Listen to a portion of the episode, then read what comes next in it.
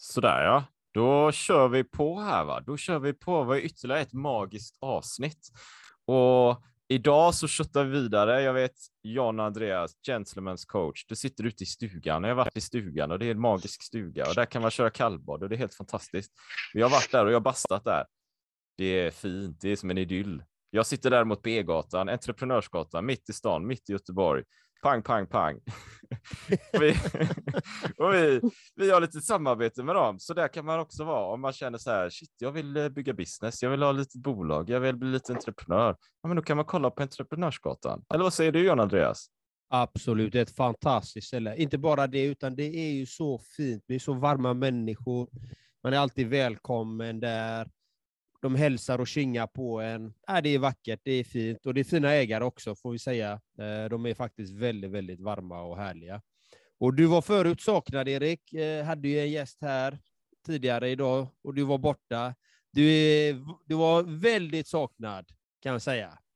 Tack, tack. Det, det värmer, det värmer. Du vet, vi ibland, vi, vi gör, testar det blir, vi kör podden liksom. Ibland kör du något avsnitt, ibland jag. Men det blir en annan eh, dynamik känner jag när vi är tillsammans. Va? Ja, det blir mycket roligare. Så är det. Och, och, och, och John Andreas, Gentlemen's coach här. Visst har vi ett Patreon-konto? Hur är det med det egentligen? Patreon, lev ditt drömliv, slash.com. Gå in där och så har du hur många paket som helst att välja mellan. Du har brutal, magnifik, fantastisk, kötta på, mata på-paketet. Så det är bara att gå in där och fläska in några kronor. Vet. Och fläska på-paketet har vi. ja, det, det, kan man ju bara mata på och fläska på. Va? Men det är bara att gå in och kolla där. Det, det, det finns grymma möjligheter såklart. Och, och idag så kör vi på här. Då vi har en gäst här. Vi har en gäst här nu va? Och eh, jag träffade den här gästen för, jag kommer inte ihåg, eh, tre veckor sedan kan det ha varit sådär ish på tioårsjubileum med Adventure Academy på Barnesö i Stockholm. För då blev det två sådana här eh, äventyrare blev utsett årets äventyrare, en manlig och en kvinnlig årets äventyrare. Jag tänkte, oh, shit, det här är bra grejer. Jag måste prata med Susanne. Så pratade jag med Susanne och så bjöd jag in Susanne till den här podden och Susanne sitter nu Ja, ja, Susanne, vi kan väl börja där. Var är du någonstans? Susanne? Du kan berätta lite hur det ser ut och så här, var, var du är någonstans. Alltså, jag, jag sitter på eh, tusen meters höjd, alltså uppe på fjället i västra Jämtland. Och jag har ungefär en sju, åtta fjälltoppar runt om mig här eh, med massa snö på. Och eh, det är väl kanske en så här fyra grader varmt ungefär, blåser lite grann, men en oändligt vacker utsikt. Jag skulle så gärna vilja dela den här med alla så att man fick se det. Härligt, det låter ju fantastiskt. Och men du sa, jag gillar du kyla då? Eller saknar, här i Göteborg är väl 20 någonting kanske? Ja, det är det. Nej, men alltså, um, man är ju ganska van. Jag lever ju ganska mycket på fjället och då är man rätt van med den här kylan. Går jag ner några höjdmeter här, några hundra höjdmeter, så blir det ju varmare såklart. Men ja. jag gillar att ligga. Jag slog upp eh, tältet här uppe, så vi ska sova här i natt, jag och min hund. Eh, ja. Och jag gillar att ligga högt så att man har utsikten. Vad, vad är det du tycker om med att vara där uppe då? På tusen meters höjd, i ett tält med en vovve, helt ensam. Vad är det du finner så himla intressant eller harmoniskt, eller varför gör du det, Susanne? Ja, alltså, på något sätt, det var väl med vandringen, började för mig för många år sedan. Eh, man kan säga så här. Eh, jag började på lågland, alltså i skogen andra. Eh, men då mådde inte jag så bra. Alltså då var det mer att komma ut i skogen och jag hade gått igenom en separation, eh, mådde psykiskt jäkligt dåligt. Jag var nog ganska på botten i mitt liv då och, och kände att naturen är ändå något slags läkande för mig. Så jag gick ut och satt mig ofta på någon sten eller uppe eller någon bänk eller någonting i skogen och bara var på något sätt och bara försökte komma i kontakt med mig själv. Det här är ju jättemånga år sedan, men det här pågick ganska länge eh, eh, under flera, ja, först flera månader. Med...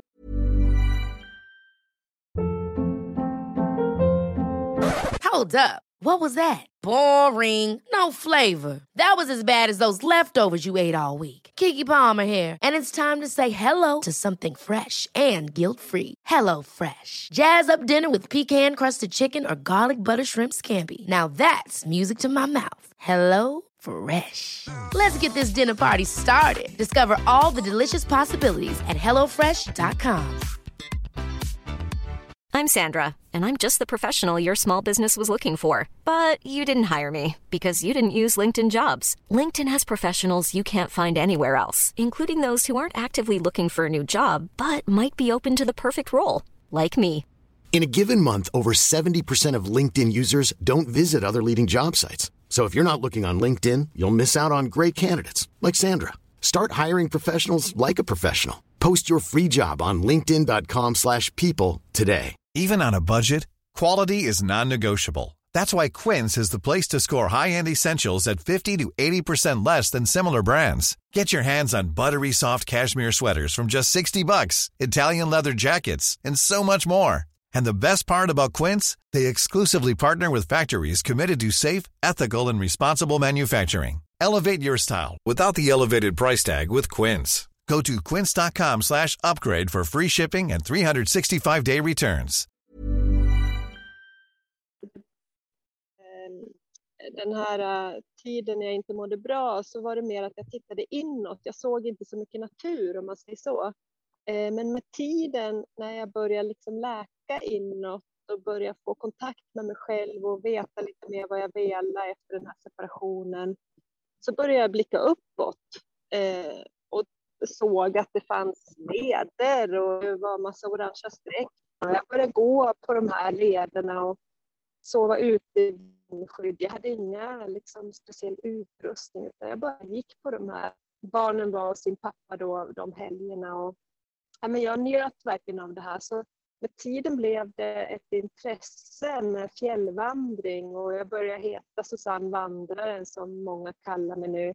Eh, Jag började vandra längre och längre helt enkelt och åkte gärna upp till fjället och började fjällvandra. Eh, Jag har en kusin som bor uppe i Åre och jag slängde in väskan hos honom och så drog jag upp på fjället och var- var borta några dagar, en vecka och veckorna blev längre och till slut blev det flera veckor jag var uppe på fjället. Och jag brukar säga att hela jag har, hela mina, alla mina värderingar och hela jag har skapats uppe på fjället. För jag får ro här uppe. Jag får, det är sånt sus och brus nere i samhällena och eh, jag behöver, jag behöver både och kan jag säga. Jag tycker ingenting är svart eller vitt utan jag gillar att vara i sus och brus också men jag kan inte vara det för länge utan jag måste, jag gillar att, att få kontakt med mig själv och då, då gillar jag också att den här miljön som jag har valt, det kan ju vara vart som helst, men jag har fastnat för fjället på något vis och känner mig hemma här. Hur, eh, tänker jag, hur, vad, vad kommer, nämnde du det? Hur, var kommer du ifrån eller hur såg ditt liv ut innan? Det var mycket sus och brus. Det var en helt annan, ett helt annan tillvaro kan jag tänka mig.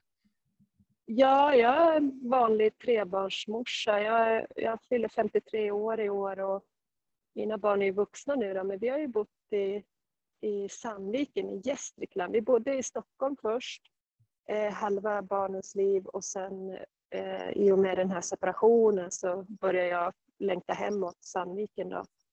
Eh, och eh, bodde där i, medan barnen växte upp och gick i skolan kan man säga. Eh, så att det var ju du vet, läxläsning och skjutsa, lämna, hämta träningar, jaga tonåringar när den tiden var. Eh, jag menar allt det här. Eh, matlagning och jag var ensamstående då i många år. Så att, eh, det var ju, och jag var chef inne på ett badhus i, ja, i Valbo köpcentrum heter det, mellan Gävle och Sandviken. Så att jag hade ganska Ja, men det var ett, ett ganska vanligt svenssonliv kan man säga. Mm. Hektiskt svenssonliv och eh, jag tappade mig själv. Eh, och hade nog gjort det under alltså hela... Jag hade nog inte hunnit kapp från tonåren, du vet, där att hitta sig själv och sånt. Det fanns liksom inte på kartan. Och så tror jag att det är också att vara tonåring och ung vuxen att livet ska vara så. Och förhoppningsvis hamnar man på rätt plats, men det gjorde inte riktigt jag. Utan jag var en prestationstjej och ville prestera mycket och vara duktig och det håller inte i längden på något vis. Eh, när, när, eh, när, när, när, när, när kom det här riktiga brytet? Du nämnde att du blev, du blev liksom, du, du föddes in i, du kom ett uppvaknande, du blev Susanne Vandraren. Vad, vad, när, när skedde det, den, den, det skiftet? Alltså det är en lång process har det varit för mig. Eh, jag började läsa mycket självhjälpsböcker och personlig utveckling. Och, Eh, det här är ju jättemånga år sedan nu, men det var där någonstans som jag började förstå att det handlade om mig. Jag hade ofta en ficklampa utåt och lös på andra runt om mig. Och, eh, relationen var inte bra. Eh, jobbet kanske inte var det bästa som jag velat jobba. Alltså man lös mycket runt om. Bara jag hade det här, bara det där fanns. Men när jag började...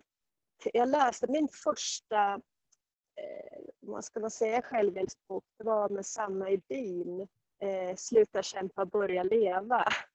Mm, det här är ja. kanske 2000 2000, eh, jag vet inte när den kom, men 2005 eller någonting sånt där, sex kanske. Då, då var det alldeles som att jag satt du vet, med hakan ner i bröstet och bara, nej men gud, har hon skrivit den här boken till mig eller? Mm. Det var liksom första gången jag kom i kontakt med att det fanns någonting som kunde hjälpa mig på något vis och trassla mig ur eh, mitt eh, trassel på något vis som jag satt i. Både med tankar och känslor och relationer och sådär. Så att där någonstans eh, börjar min resa. Jag, idag tycker inte jag, jag gillar inte ordet personlig utveckling för jag tycker att vi, vi är ju, pers, alltså personlig insikt skulle jag vilja mer kalla det för. Att vi är ju utvecklade, vi behöver inte utvecklas egentligen utan det vi behöver göra är ju att titta inåt, vad är det jag vill och titta mer på sig själv. Hur kan jag förändra mig och vilka vägar är viktiga att gå då för att gå min väg. Men stanna upp tror jag var det viktigaste för mig, att liksom dra i handbromsen och stanna upp och bara Hallå, det här handlar om dig Susanne. Det är ditt liv. Eh, du behöver välja och göra dina val. Ja. Vad fint med personlig insikt. Det tycker jag var vackert. Eh, väldigt fint. Men om man tittar på, på ditt liv nu då. Kan, du, kan man säga att du har fått ett högre medvetande då? Ja, det tycker jag. Alltså jag har väl alltid... Det är högre medvetande för mig kan ju innehålla jättemycket. Dels att man kanske har en tro på någonting eh, som är högre än mig själv.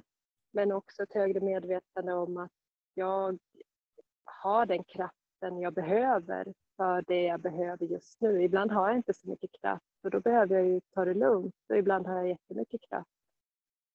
Eh, allt är förändligt för mig och just nu så sitter jag med mitt högre medvetande att jag trivs här och eh, det är det här jag vill göra just nu. Men allt är förändligt. Allt, eh, frihet eller vad man nu lycka. Det är sådana här ord som är, när du skriver lycka eller frihet så är det bara ett ord. Du måste ju skapa ett innehåll in, i det där ordet. Vad är lycka för dig eller för mig och vad är lycka och frihet? Vad är frihet för eh. dig då, Susanne? Ja, du, jag har ju bott i tältet då. Det var därför jag varit årets äventyrare. Jajamän. Eh, årets kvinnliga äventyrare ska jag säga, 2021. Eh, för att jag bodde i tält under ett år under alla årstiderna här uppe i Åre på en ö, eh, en öde ö ute i Indalsälven ovanför ett stort, jättestort vattenfall. Där bodde jag och min hund. Och då hade jag ordet frihet var ett ganska laddat ord för mig. Jag ville liksom känna mig fri eh, och tänkte att jag bär med mig det här ordet under det här året och se, är det här verkligen frihet till max nu?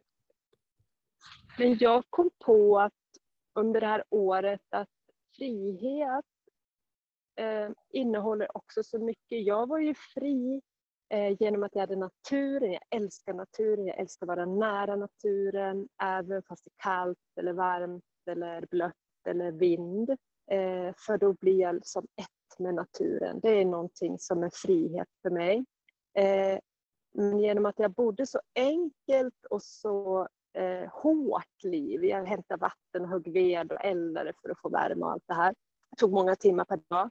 Så kunde jag inte jobba eh, och då hade jag inga pengar. Så, och pengar ger ju också en slags frihet. Jag hade min dotter på Nya Zeeland eh, under den här tiden och jag längtade jättemycket efter henne men jag kunde inte åka och hälsa på henne. För jag var inte så... Frihet är svårt tycker jag. Eh, frihet just nu för mig är ju det här en enorm frihet att sitta på en hög fjälltopp och bara blicka ut över ett massivt fjällområde. Eh, men samtidigt saknar jag mina barn och skulle vilja vara nära dem imorgon typ. Så det kan jag inte heller för då är vi för långt borta. Så att, frihet är ögonblick tycker jag. Eh, jag kan känna frihet i ögonblicket men eh, oftast kan jag sakna en del av frihet. Jag får offra en del av friheten för att göra en grej i frihet, om ni förstår vad jag menar. Ja, eh, jag, tänker, jag tänker ju mer som eh, frihet i eh, sinnet. För att det är ju egentligen, mm. det är egentligen sinnet som fängslar en, va? Mm. Eh, till exempel... Ja, det är, det är också spännande. Ja, för, för om du inte är fri i sinnet, för om du har eh, fasthållande, att då blir du ju fängslad. Då är du inte fri. Ja, jag för, exakt, jag förstår. Och det här tror jag, det här är nog det som jag har jobbat mest med eh, under många år. Att släppa taget om prylar, släppa taget om eh, jag tror inte på allt jag tänker längre. Eh, jag brukar ofta fråga mig själv, är det där verkligen sant? Om det händer någonting eller om det kommer något i vägen som gör mig orolig. Det, det är otroligt få saker idag som gör mig orolig. Ehm, och det är en otrolig frihet i mitt sinne. Jag har en stark tro på eh, meningen för mig. Om jag, är, om jag följer mitt hjärta, om jag har tagit mig tid att stanna upp och hitta någonting, att det här känns rätt i mig, det här känns lugn och ro, det här behöver jag, det här vill jag göra. Och så följer jag det, eh, jag följer mitt hjärta. Då blir det också oftast väldigt eh, enkelt. Och då behöver jag inte oroa mig för saker heller. Eh, är ni med mig hur jag mm. tänker då. Jajamensan. Eller hur? Ja. Och då, och då, ja. Ja, fortsätt, fortsätt. mm, nej men och då, eh, när, om jag går, som jag levde mitt liv förr, när jag mer stångade mig fram och trodde, jag kanske hade föreställningar om att eh, man borde jobba heltid och jag borde göra sådär, det borde se ut sådär hemma det var ett fängelse, det var ingen frihet alls i mitt sinne överhuvudtaget. Det var inte ens mina värderingar jag hade, eller det var ju yttre omständigheter som påverkade mig starkt då. Så att inre frihet, jag håller med dig, det är ju det är så självklart för mig tror jag så att jag glömde faktiskt bort att prata om det. Jag tror det är så otroligt självklart för mig att känna mig fri i sinnet. Åh, oh, vad fint, för det är väl det viktigaste av allt egentligen. Jag, jag ja, tänker, absolut. Jag tänker lite så här, eh, eh som eh, alltså när man är inne i, så generellt, när jag är inne i samhället, du nämnde det i början där bruset och du vet, jag sitter här i Göteborg och åkte spårvagn och sånt. Det är så mycket på något sätt som pågår och det, det är trafik och det är människor och man hör saker och, och jag har suttit på några möten här idag. Och det är, jag upplever att det är kan vara, eller det är svårare liksom. Det är svårare att höra sin egen inre röst för, för man blir så, jag blir så påhoppad av många andra grejer som pågår.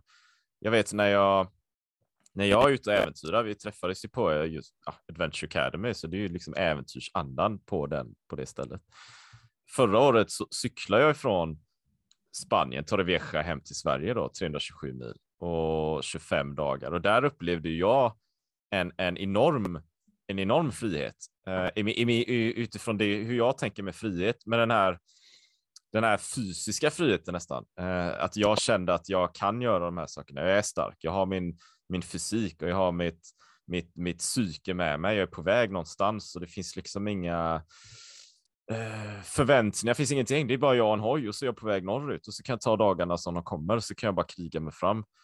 Där i ett sådant sammanhang är det mycket lättare att hitta sin, e, att för mig att hitta min egen inre röst. Det, är då, det tar ju ett par dagar för de här slaggtankarna nästan, så jag kan ärva från när jag är inne i samhället. Att sakta liksom droppa bort. Och sen, sen är det som att det kommer upp till ytan, alla de här känslorna. Och jag föreställer mig att om du är i fjället och du var på Nör dessutom i ett år så kanske det är så här att de här slaggtankarna, liksom alla de här idéerna och normerna, saker man, man får för sig, de, de droppar väl av efter ett tag. Liksom. Och sen, sen kommer det upp till ytan och sen har du ändå ett år på dig att, att det ska befästas, att det ska komma upp till ytan och du kan arbeta med dem och du kan känna så här, har det så här det är? Och leva mer i det. Än snarare, än snarare kanske att jag åker på semester en sväng och så upptäcker jag, ah, det är det här jag vill göra egentligen med livet och så här. Och sen åker jag tillbaka in till stan och så glömmer jag bort allting. Mm. Jag håller med dig och jag tänker, jag, jag, känner igen mig jättemycket i din cykeltur där. Det är precis det här att eh, man kan tänka så här, ja men gud, du sitter ju och presterar på en cykel och tömmer ur energi och så här, ja, och, det, och lika jag när jag vandrar på fjället, det kostar ju jättemycket energi och det är skitjobbigt. Ibland undrar jag vad fan håller jag på med liksom. Snålblåser och snöar och sådär. Det är samma för på cykeln, eh, röven är ont och allt det där. Men det här är ju, för mig blir det här ett verktyg att eh, nå mig själv. Det är bara ett verktyg. Det kan ju vara meditation eller jag kanske inte kommer bort från suset och bruset. Då kanske jag behöver stoppa in, det gjorde jag ofta när jag bodde i sus och brus, eh, när jag inte kom ut så ofta i mitt friluftsliv så att säga, så stoppade jag ofta in pluggar i öronen och lyssnade på någon ledd meditation eller eh, ja, någon healing meditation när jag sov eller något sånt där, bara för att få hjälp helt enkelt. För att det är som du säger, jag tycker det är skitsvårt i sus och brus. Ja, men det är svårt i varje fall i sus och brus att, eh, att höra sin egen röst tror jag. Så jag tror man av olika slag. Och det behöver man nog ha resten av sitt liv, tänker jag. I varje fall jag. Jag behöver ha olika verktyg för att mm. eh, jag vill ha en stor verktygslåda för att eh, kunna ha kontakt med mig själv. Det finns liksom ingen återvändo för mig tror jag att jag skulle. Jag kan åka på sliriga vägar och halka ner i diket, men jag kommer snabbare upp för dem nu eh, när jag tappar bort mig själv. Men jag tror inte jag skulle kunna hamna i det här sus och brus längre. Jag har tränat för länge mm. att vara med mig själv. Jag känner igen mina signaler. Och det kan jag också säga att jag, när jag började med de här personliga insikterna för många år sedan så blir man ju lite hypad. Man vill ju frälsa hela världen och berätta att eh, gör så här, gör så här och läs den där ja. boken och allt kommer bli bra. Men jag glömde då att träna på det. Eh, det var mer böcker och vart Eh, men att göra det som står i böckerna och, och, och verkligen eh, träna, börja träna precis som en muskel, träna sin mentala, eh, mentala del, sitt inre, att, att höra sitt inre. Det, var, det har ju pågått under många år. Eh, så att eh, jag, för varje dag blir man ju bättre och bättre eh, på det. Det var fint. Vad fint. Och det, ni, sa att ni, träffades, ni sa att ni träffades på Barnens öva. Ja. Då. Mm. Jag har ju själv mitt minne där. Det var då en del av mitt starkaste uppvaknande kom. Då satt jag där i en sju dagars meditation, kärleksmeditation, omtanke. Så att eh, där vaknade jag, en stor del av mig till liksom att eh, med självinsikt liksom Minns den dagen så väl. Jag hade gått igenom två utbrändheter, hade ett totalt vrak fysiskt, mentalt, ekonomiskt, relationsmässigt, allting. Och mina två bästa vänner kom till mig och sa att de skulle bjuda mig på det här. Och då hade jag föreställningar, liksom att jag, hade svårt att ta emot hjälp. Jag hade sån stolthet. Men jag tog emot hjälp och så följde jag med dem dit och så på en av dagarna så säger meditationsläraren, idag blev Bödde upplyst. Så att idag får man sitta från morgon tills morgon, tills solen går upp, till solen går ner och upp igen. Liksom. Och eh, Det var det jag gjorde. Jag satt där 23 timmar ungefär på röven och så och mediterade. Liksom. Och Då fick jag kontakt med mig själv. Och eh, Det är ett av de viktigaste verktygen jag vet, att eh, hamna i meditation och sitta där. Så nu åker jag ju på måndag igen till en tio dagars tyst meditationsretreat igen då. Så att, eh, det är ett starkt verktyg, precis som du nämner, och för lyssnarna så är det viktigt, tycker jag, att komma ut i naturen eller hitta stillhet, att återkoppla till sig själv, för det, det är så otroligt viktigt, speciellt i det här samhället vi lever med så mycket brus. Brus, brus, mm. mycket mycket saker som träffar våra fem sinnen, som, försök, som, som distraherar oss ifrån det som vi verkligen vill och det vi verkligen känner. Jag ville bara dela det att jag var också på Barnens ö en dag. Mm. mm. jättefint tycker jag. Ja, ja det var en, jättefint. Och jag, ja. Och en, en uh, tillägg där. Jag vet, eh, vad är det, Anders Hansen, vi får väl bjuda in honom till podden en annan gång. Han pratar ju om skärmhjärnan och så här. Men jag, jag jobbar ju med Primal så det är så här evolutionsbiologi och hur vi levde för hundratusen år sedan. Och, alltså, du vet, det är ju det, vi har ju en stenåldershjärna här. Vi går runt, det är stenåldersmänniskor och så går vi runt här och, och, och spelar in podd och, och, går runt på stan och åker så här i stålvagnar med rälsar och det är el som flyger runt i ledningar. Alltså vi, inte riktigt, vi har skapat en miljö som är väldigt bekväm, men vi är inte gjorda för den här miljön. Va? Vi, och, och så möter vi sociala medier och Instagram och nyheter och SVT och BBC och Aftonbladet och GP och, och alltså det är en miljö som inte riktigt är, är, optimal. Va? Och den har sina fördelar, men jag tror alltså naturen är, och vi säger ju det här hela tiden nu då, vansinnigt viktig. Va? Jag tror det. Det är, ett, det är ett fundamentalt verktyg. Att komma tillbaka, att sitta under det här trädet, att meditera, att sitta här 23 timmar. Det, det, det är väldigt få som gör det.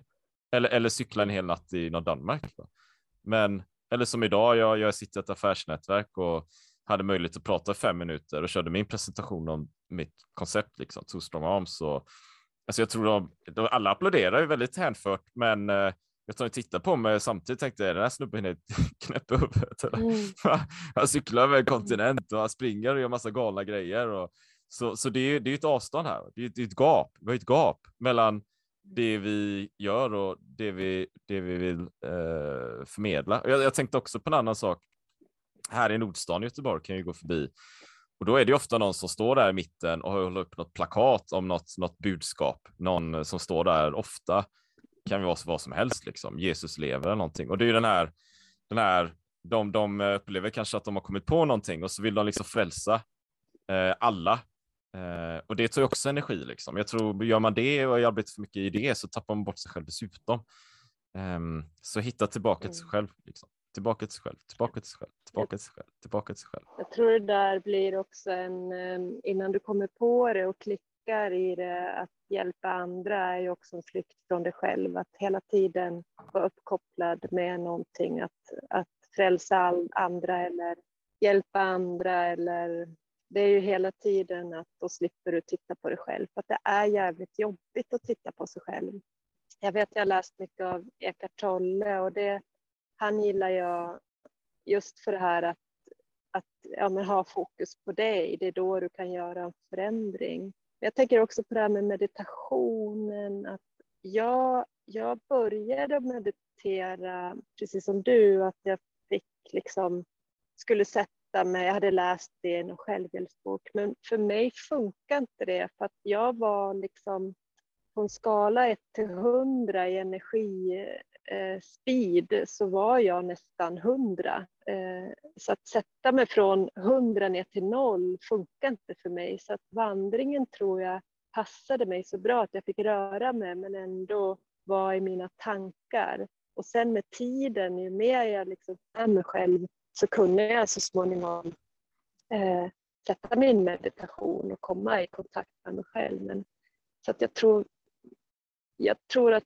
många som lyssnar på det här, man får inte bli rädd och tänka så här, ah, men gud, jag måste gå fjällvandra flera veckor eh, för att hitta mig själv eller cykla genom hela Europa. Det är inte det det handlar om, utan det var ju våra verktyg. Det var det som funkade för oss. Det gäller ju att hitta sitt, något som man blir glad av samtidigt som man kanske får vara lite själv med.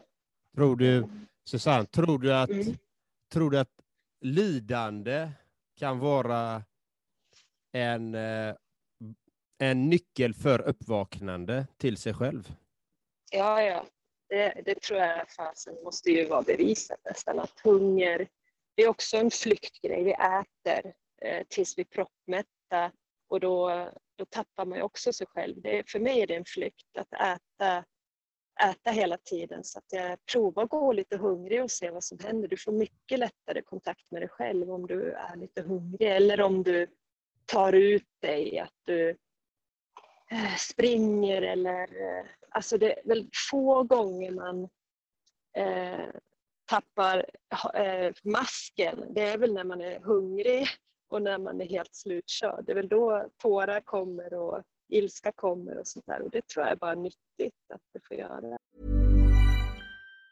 If you thought the only way to get a more defined jawline with natural looking results was through surgery, think again. Juvederm Volux XC is a non surgical injectable gel filler that improves moderate to severe loss of jawline definition and can help you achieve natural looking results with little downtime. Even better, this improved definition lasts up to one year with optimal treatment. No maintenance required. Improve jawline definition for a smooth, sculpted look with Juvederm Volux XC. For important safety information and to find a licensed specialist, visit juvederm.com. That's J U V E D E R M.com. Not for people with severe allergic reactions, allergies to lidocaine, or the proteins used in Juvederm. Common side effects include injection site redness, swelling, pain, tenderness, firmness, lumps, bumps, bruising, discoloration, or itching. There's a risk of unintentional injection into a blood vessel, which can cause vision abnormalities, blindness, stroke, temporary scabs, or scarring. Talk to a licensed specialist to find out if it's right for you. Ever catch yourself eating the same flavorless dinner three days in a row?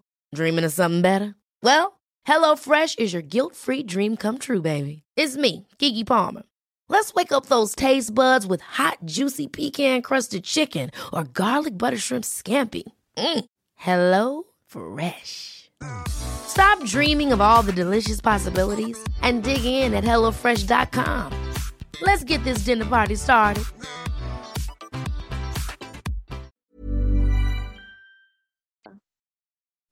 Ja, jag har ju själv läst Eckart Tolle en hel del och, eh, och upplevt mycket av det som står i den boken, fast på mitt sätt. Då, liksom. Så att, jag, att vara en iakttagare av sina tankar, känslor och förnimmelser, liksom, det, är, Mm. det är ju någonting fantastiskt att kunna vara den iakttagaren. Han kallar det, han kallar det varande, tror jag, att vara i varandet. Mm, det.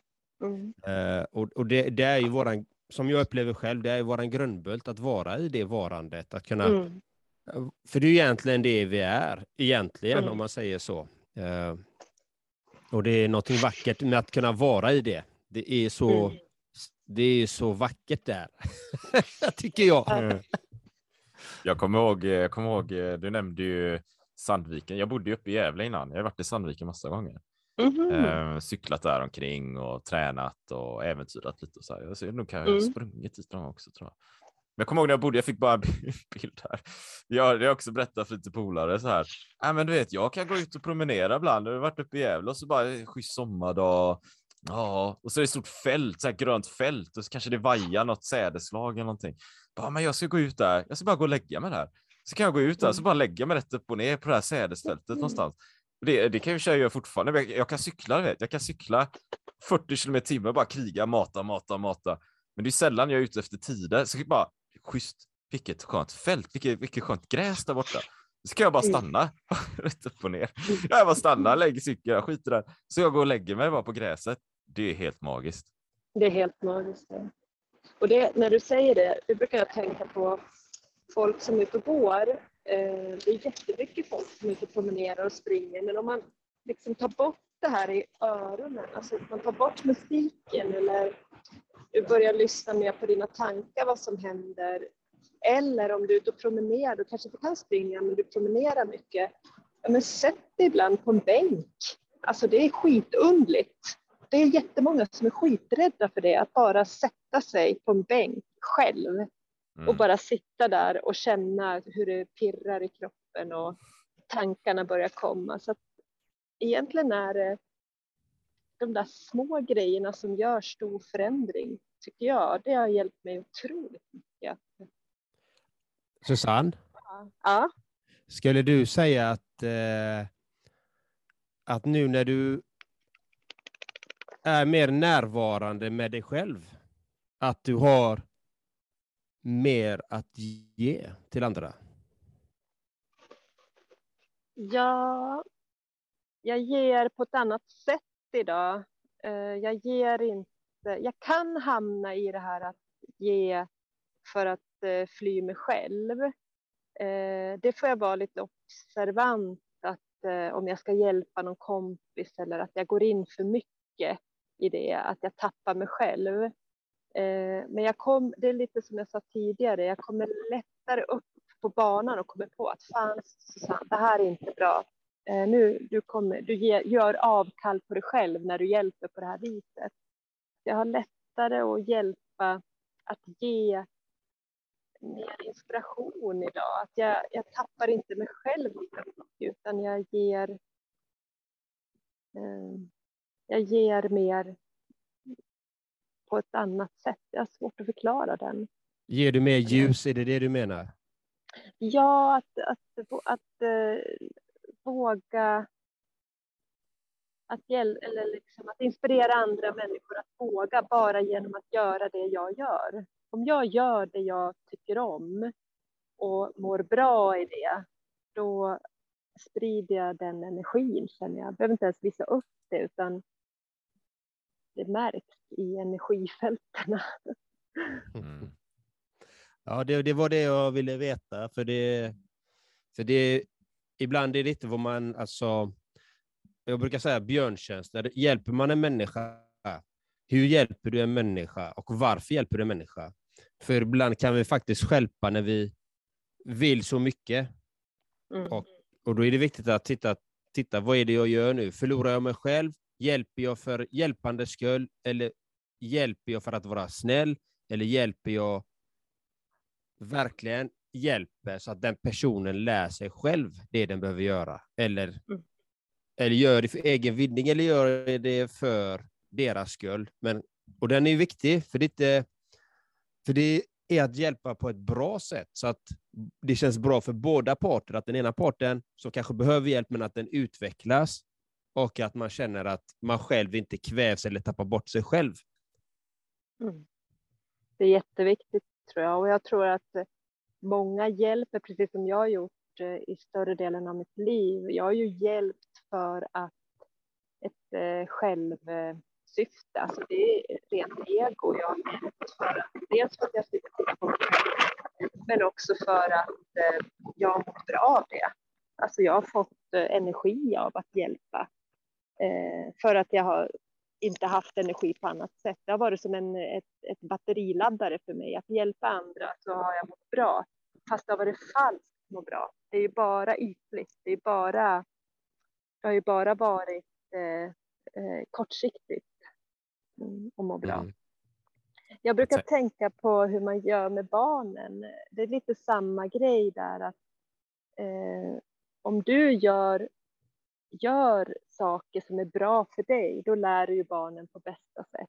Istället för att bara snacka liksom. Utan visa med ditt liv vad så här kan man också göra. Och så kommer det någon och frågar, fan du ser jävligt glad och härlig ut, vad gör du? Ja, då kan jag berätta. Så att, eh, jag tror att jag var förebilder för människor. Och vill man Eh. berätta om det så, så i poddar eller vad man nu sprider sitt ord så är väl det fantastiskt bra, tänker jag. Det- Men, men om vi det- säger så här ja. då, Susanne. Jag får bara ta den i den Ja, gör det. Gör det. Är du din egna förebild då? Ja, jo, men det, det känner jag att jag är. Jag lyssnar mycket på mig själv och litar på mig själv på ett helt annat sätt idag. Jag har full tillit, jag har tillit till livet så länge jag har kontakt med mig själv. Det är min största, eh, vad ska jag säga, största, eh, viktigaste jobb i mitt liv, eller vad ska jag säga, drivkraft i mitt liv, det är jag. Eh, och jag litar på mig för att jag sitter på sanningen för mig själv. Alltså min egna sanning, inte om världen, inte om eh, hur vi ska lösa miljöfrågor eller vad det nu är. Utan livet om mig, det är jag. Jag litar på mig själv så fort jag lyssnar på mig själv bara. Vad fint. Jättefint. Mm.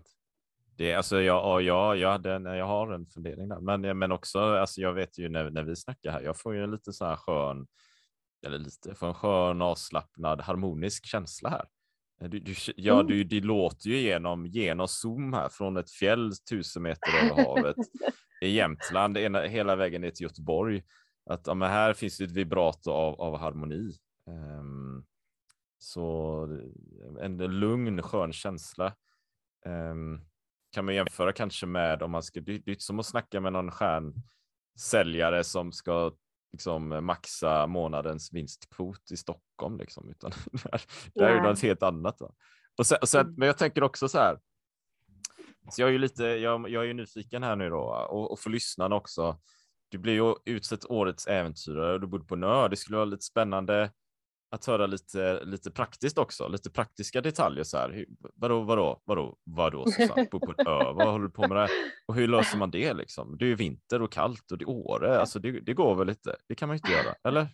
Kan man det? Ja, jo, precis. Eh, Jag fattar ju. Jag, jag själv tycker inte det här är något konstigt längre. Det var vad då? Det var ju det är ju bara att flytta ut ett tält, det var inga problem. Men så har det inte alltid varit för mig, utan allt börjar med fjället. Eh, Jag vill vara kvar i bubblan. Eh, Jag vill vara kvar med mig själv och jag älskar att bo i tält även när det är kallt.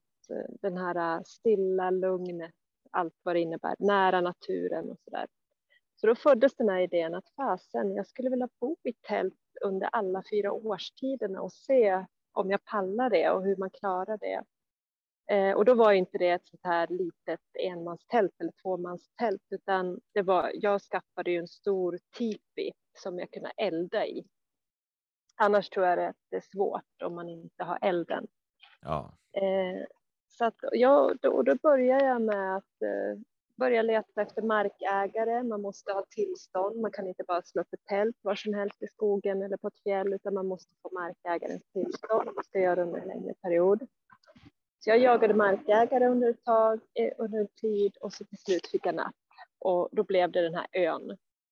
mm. Eh, och sen börjar ju processen. Det här är en lång process, små steg och jag visste hela tiden att eh, när jag väl hade bestämt mig, jag gör det här, då börjar liksom mitt äventyr. Det älskar jag, den här förberedelsen, det blir som ett pirr i mig. Jag vet att det kommer hända nya saker, jag vet inte vad som kommer hända, jag vet inte vart jag kommer hamna någonstans. Jag vet inte vilka människor jag kommer möta, men det är alldeles som att jag hoppar ut för ett stup. Jag vet att det är rätt. Jag vet att jag vill bo på det, i det här tältet under ett helt år. Mer vet jag inte. En, en, en jag- fråga. En fråga. Ja. Jag tänker en, en, den här ön, vad tänker vi oss? En, en storlek som eh, Gotland här eller tänker vi oss en storlek Nej, nej. som en fotbollsplan? Vad, vad är, vad är, hur, hur ser det ut liksom? Det var, det, en, det var en, om du tänker att jag, jag, åker, jag måste åka båt över, men båtresan över är eh, typ en liten jolle som du kan staka det med en pinne över. Ja. Eh, ungefär 30 meter. Mm. Eh, så det, du, du kommer inte över med bara att gå över, utan du måste ta någon färdkost över. Okej. Och sen är ön ungefär, eller den är ganska precis en kilometer om du går längs hela kanten runt ön så är det en kilometer runt. Så det är ganska lagom ö för en person och en hund. Ja, ganska lagom. börjar- ja. Ja, lagom ö. Där. En kilometer runt, det är ett Ja. tips till poddlyssnarna här. Ja, men en kilometer runt, då har vi lagom ö.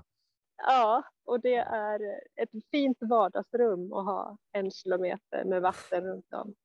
Och ganska strömmande vatten. Det var eh, genom att jag bodde precis ovanför Ristafallet, om man känner till det. Men det är ett högt, eh, 14 meter högt vattenfall som ligger i Åre.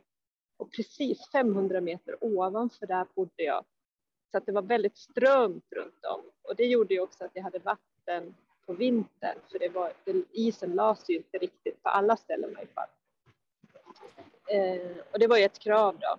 Att jag behövde ju vatten året runt för att kunna överleva. Ja.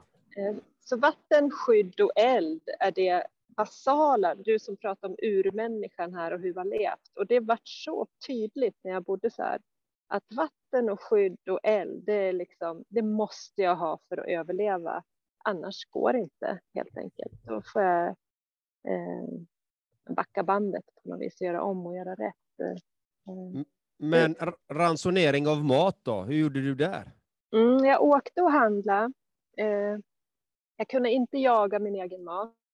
Eh, jag fick stor respekt av hur man levde förr i tiden. Att man behövde vara ett eh, samhälle eller åtminstone ett par i, i hushållet och gärna lite barn som kunde hjälpa till också. För att klara allt det där helt själv, det är tufft alltså. Att ordna sin egen mat och odla jaga samtidigt som du ska hålla rent i tältet så du inte blir sjuk, få i dig bakterier, eh, hämta vatten, hugga ved, eh, hålla isen öppen när det är vinter och kallt, skotta snö, laga grejer. Det gick ju alltid sönder lite grejer som man fick förbättra och så där. Så att jag handlade min mat, men det var tillräckligt svårt ska jag säga, eh, även fast jag handlade min mat för årstiderna gjorde ju sitt. Jag fick ju verkligen leva med naturen för på vintern kunde jag inte ha potatis till exempel eller eh, grönsaker, det frös ju. Frukt gick inte. Fryst potatis är skitäckligt, det blir jättemjöligt och vattnigt. Det Inget har jag bra. provat. Det är jätteäckligt. Så att jag fick ju, och på sommaren kunde jag inte ha några färskvaror, då var det ju mer liksom grönsaker och eh, kallas, kalla, eller jag, jag behövde liksom inte ja, jag, fick, jag fick äta efter årstiderna helt enkelt. Eh, och eh, ja, det var en stor lärdom också. Det är ju också som man har gjort förr i tiden, även fast man odlade och jagade då så åt man ju det som fanns. Man åt inte frukt lite- på vintern. Ja, lite som den u- ur, urentreprenören. Ja, Man fick ta hand om allting för Ja. att överleva. exakt. För att överleva, ja. ja. Så, så hur såg dina dagar ut då på den här ön? Ja, det var ju beroende på vilken årstid det var. Jag, jag gillar att ha eh, så här, struktur. Jag gillar att ha lite struktur på saker och, ett, och det fick jag lära mig snabbt att det gick inte att ha. Jag var tvungen att ändra mina, eh, vad heter det, planer, eh, strukturen i vardagen. Det var jag tvungen att ändra hela tiden på, beroende på vad det var för väder. Eh, Men om man säger eh, ganska relativt överlag så tände jag en eld på morgonen. Eh, På sommaren var det fuktigt när jag vaknade och på vintern var det snorkallt. Var det 30 minus ute så var det 30 minus i tältet. Så då gäller det att få upp värme så jag kunde laga mat, koka vatten. Jag kokade allt vatten jag drack genom att jag drack sådana otroliga mängder under ett helt år. Så, och jag bodde efter Åreby och det vet man ju vi som bor här uppe att det är inte så bra reningsverk och så där. Så att jag kokade allt vatten jag drack.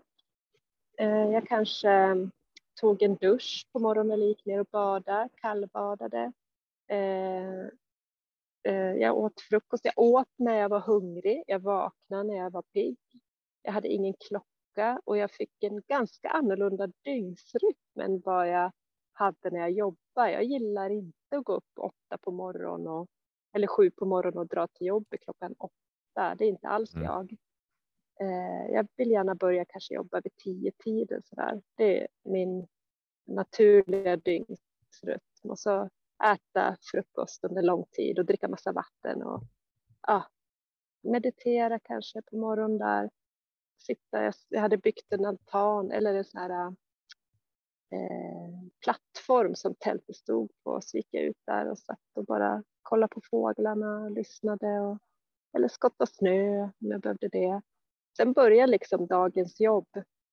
Och då var det ju att bära in ved, hämta vatten, eh, hålla rent, eh, mm, kolla ön, om det hade varit något djur på ön och sådär. Vintern skottade jag snö i fem timmar ungefär för att eh, per dag. Om det hade kommit mycket snö då, så fick jag, tog det ungefär fem timmar och skotta mig Ja, fram så att ja. jag skulle komma till vedförråd och sånt där. Så att ja, Du hade ju, du hade ju en, en vovve med dig, va? En hund. ja, jag hade en hund, Jason, Vad- han är med mig på alla mina Vänta. James Bond, sa du det? Eh, Jason. James Bond hade ju varit jävligt coolt att ha en hund som Ja, jag har hunden med mig, James Bond. ja, Jason, han är med mig. Jason. Ja. Mm.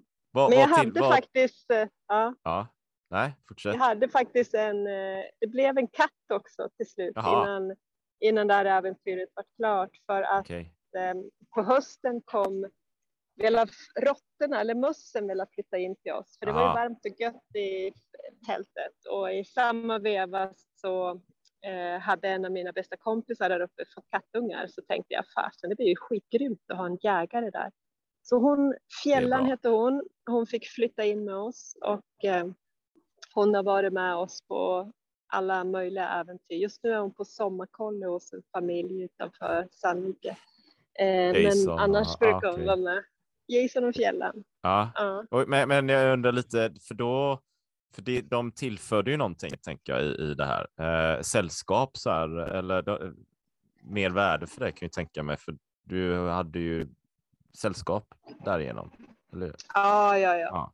Alltså Jason, han är ju en av mina viktigaste eh, personer tänkte jag säga. Vad säger man?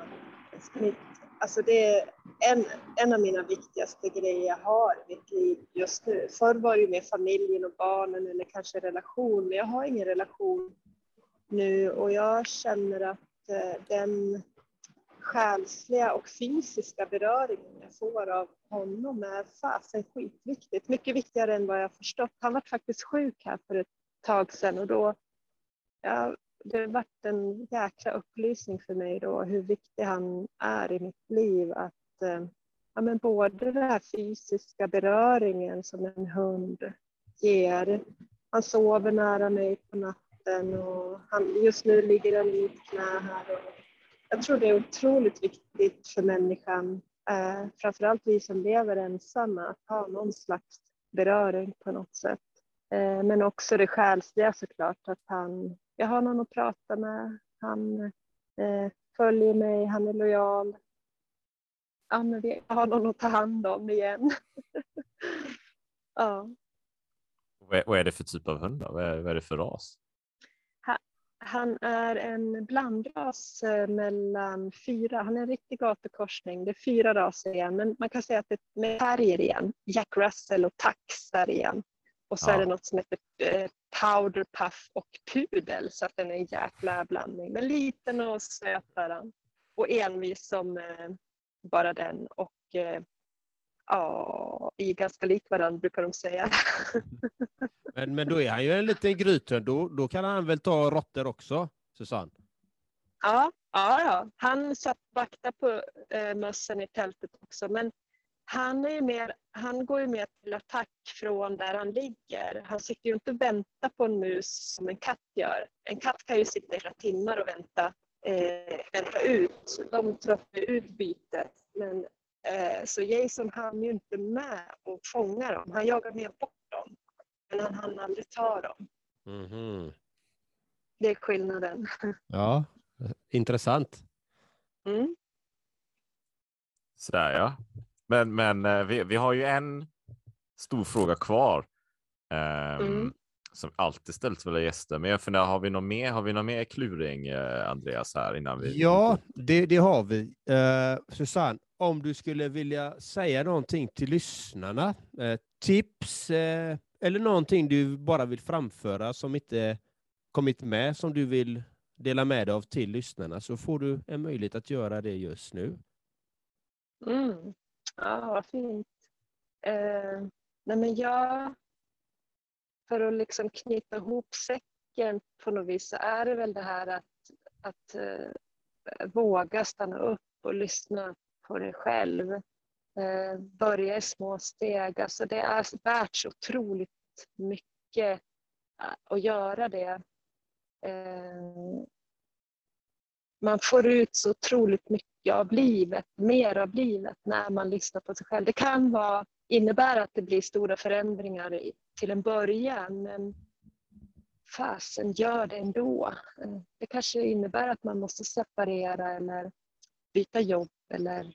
Mm, eller gå ut på fjället.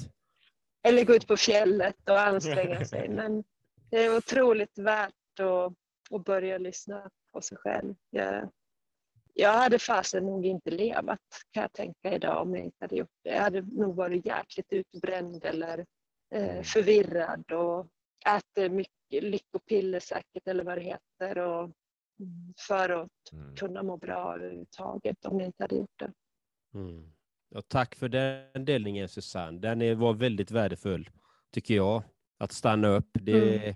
det är en av nyckel, nyckelorden jag brukar själv säga. Stanna upp och ta små små, små steg. Erik, är du redo? Ja, jag är redo. Jag är redo. så vår, vår eh, vi har lite trumvirvlar så här och så här bakgrunden och flyg som flyger över med så här rök efter sig och så här. Det är de stora frågorna. Det, det är Susanne, vandraren. Lever du ditt drömliv? Ja, det gör jag. Absolut för nu. Det är förändligt, men just nu lever jag mitt drömliv. Det gör jag. Och där satt den. Där satt den. Där satt den. Spiken i gött. Nej, men det är härligt. Det är härligt att höra.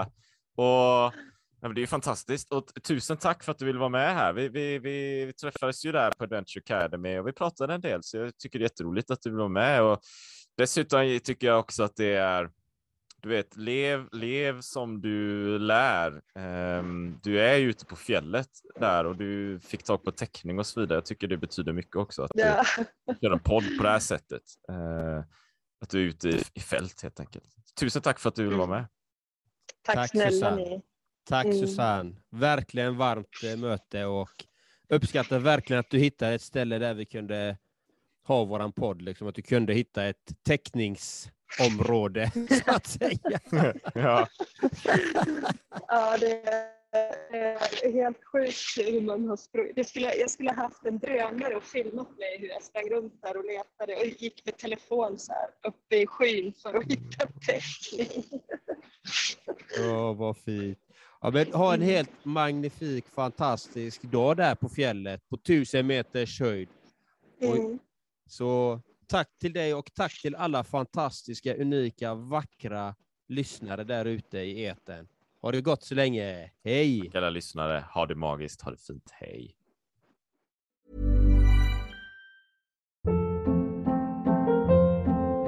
Hold up. What was that? Boring. No flavor. That was as bad as those leftovers you ate all week. Kiki Palmer here, and it's time to say hello to something fresh and guilt-free. Hello Fresh. Jazz up dinner with pecan-crusted chicken or garlic butter shrimp scampi. Now that's music to my mouth. Hello Fresh. Let's get this dinner party started. Discover all the delicious possibilities at hellofresh.com.